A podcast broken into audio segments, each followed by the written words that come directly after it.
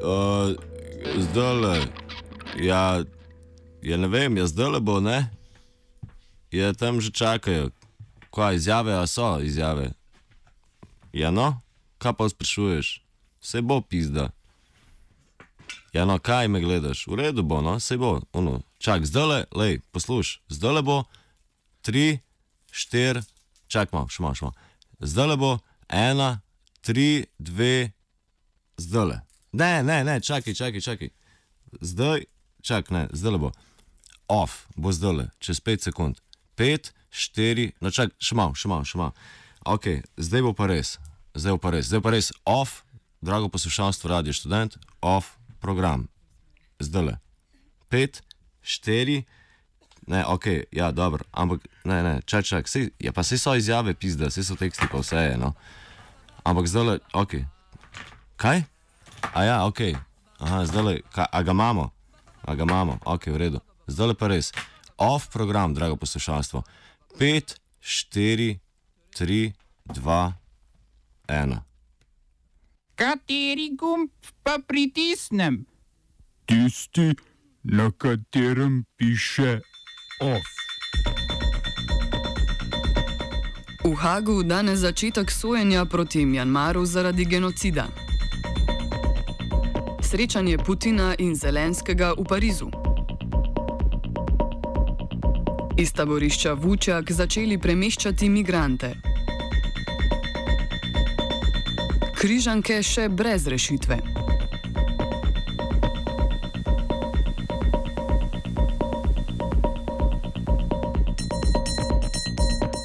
Danes so se na meddržavnem sodišču v Hagu začeli postopki proti Mjanmaru. Državo je v Hag prišla zagovarjati mjanmarska voditeljica in Nobelova nagrajenka za mir Anuk San Suu Kyi. Tožbo je novembra s podporo organizacije islamskega sodelovanja uložila Gambija, Mjanmaru pa očita genocid nad muslimansko manjšino Rohing. Mjanmarska vojska naj bi to storila z množičnimi pomori, posilstvi in sistematičnimi požigi vasi. Poleg tega je Gambija zapro zaprosila sodišče, da izda začasne ukrepe za zaščito Rohing v Mjanmaru, ki so še zmeraj preganjani.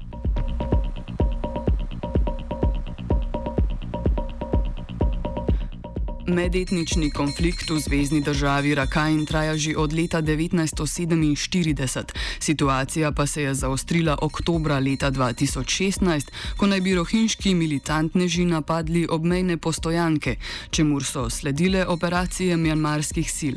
Nasilje je okoli 740 tisoč rohing prisililo v beg, zdaj jih večina živi v begunskih taboriščih na jugu Bangladeša. Anuk San Suu Kyi zavrača očitek, da so vojaški napadi napadi prerasli v zločin proti človeštvu. Dejanja vojske ni obsodila, še manj pa privedla storilce pred sodišče.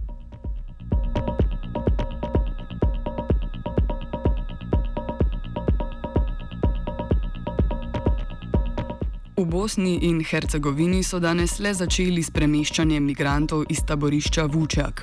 Kot smo včeraj že poročali, bodo okoli 600 migrantov preselili v druge centre po državi. Premestitev naj bi potekala na prostovoljni osnovi in bo predvidoma končana v treh dneh. Natančnejša poročila so zaenkrat še skopa, saj novinarjem ni omogočen dostop do taborišča.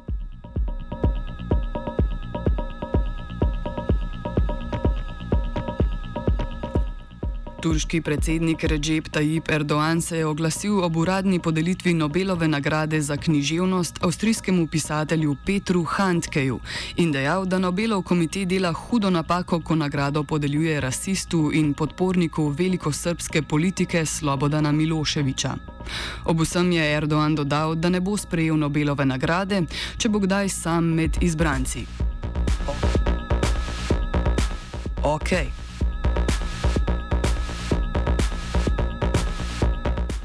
V Franciji že šesti dan potekajo protesti in stavke sindikatov zoper napovedane pokojninske reforme. Voditelji sindikatov danes pričakujejo več kot 800 tisoč protestnikov na ulicah Pariza. Zaradi protestov bo močno oviran javni promet, nekatere šole v Franciji bodo tudi zaprte.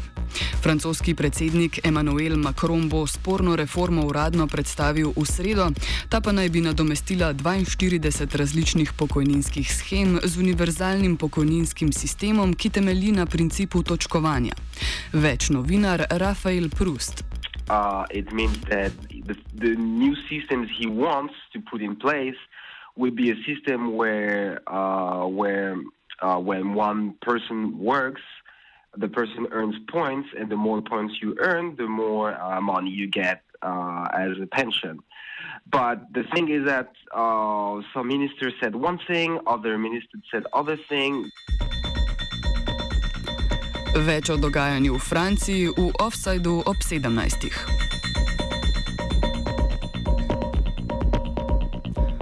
V Parizu sta se srečala ruski predsednik Vladimir Putin in ukrajinski predsednik Volodimir Zelenski. To je bilo prvo srečanje med predsednikoma držav od izvolitve slednjega aprila letos.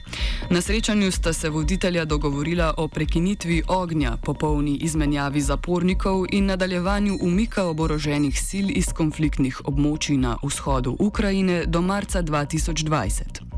Detajli dogovora sicer zaenkrat niso dostopni javnosti. Srečanje je potekalo v okviru vrha normandijske četverice, ki jo sestavljajo Rusija, Francija, Nemčija in Ukrajina. Četverica je bila ustanovljena z namenom, da razreši spor na vzhodu Ukrajine, ki traja že več kot pet let. Naslednje srečanje četverice je predvideno čez štiri mesece.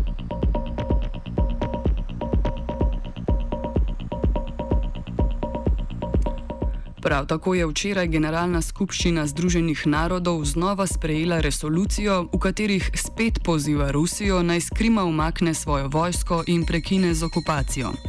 Ponovno pa jo tudi poziva, naj zdaj res neha prenehati s prizadevanji za prevzem jedrskih objektov in obsoja rusko prisotnost v Azovskem in Črnem morju, na katera sicer meji z ali brez aneksiranega polotoka.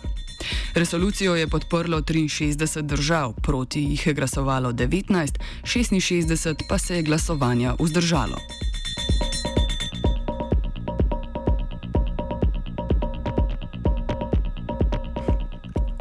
Svetovna protidopinška agencija z angliško kratico VADA je Rusiji za štiri leta prepovedala udeležbo na velikih športnih tekmovanjih. Kot razlog za prepoved je bil naveden strani države podprt dopinški sistem in dokazano ponarejanje podatkov v protidopinškem laboratoriju v Moskvi. Odločitev vlade pomeni, da bodo ruski športniki na tekmovanjih sicer lahko nastopali, a le pod neutralno zastavo in v neutralnih barvah, kot na olimpijadi v Pjongčangu lani. Prepoved zajema športne dogodke, kot so poletne olimpijske igre v Tokiu 2020, zimske olimpijske igre v Pekingu 2022 in nogometno prvenstvo v Katarju 2022. Zanimivo pa prepoved ne bo veljala za Evropsko prvenstvo v nogometu, ki bo naslednje leto potekalo med drugim tudi v Rusiji, saj UEFA ne igra po istih pravilih kot FIFA. Rusija ima sedaj tri tedne časa, da uloži pritožbo na mednarodno športno razsodišče v Lozani.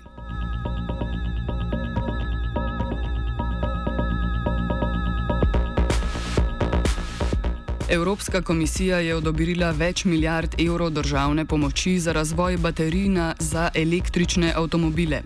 Nemčija, Francija, Italija, Poljska, Belgija, Švedska in Finska bodo tako konzorciju 17 podjetij lahko namenile 3,2 milijarde evrov. Z državno pomočjo želijo ustvariti za dodatnih 5 milijard evrov zasebnih naložb in omejiti moč azijskih tekmecev. Trenutno namreč večino baterij za električne avtomobile proizvedajo korejska, kitajska in japonska podjetja.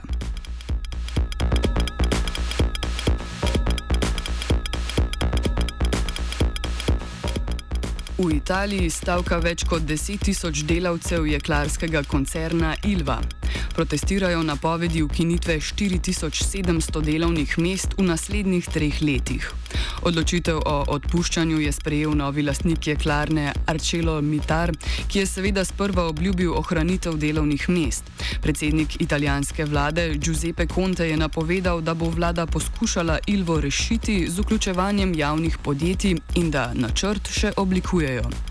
Povedal je tudi, da bo število odpuščenih delavcev manjše. Ilva sicer v mestu Taranto upravlja z največjo jeklarno v Evropi in je največji zaposlovalec v mestu na jugu Italije.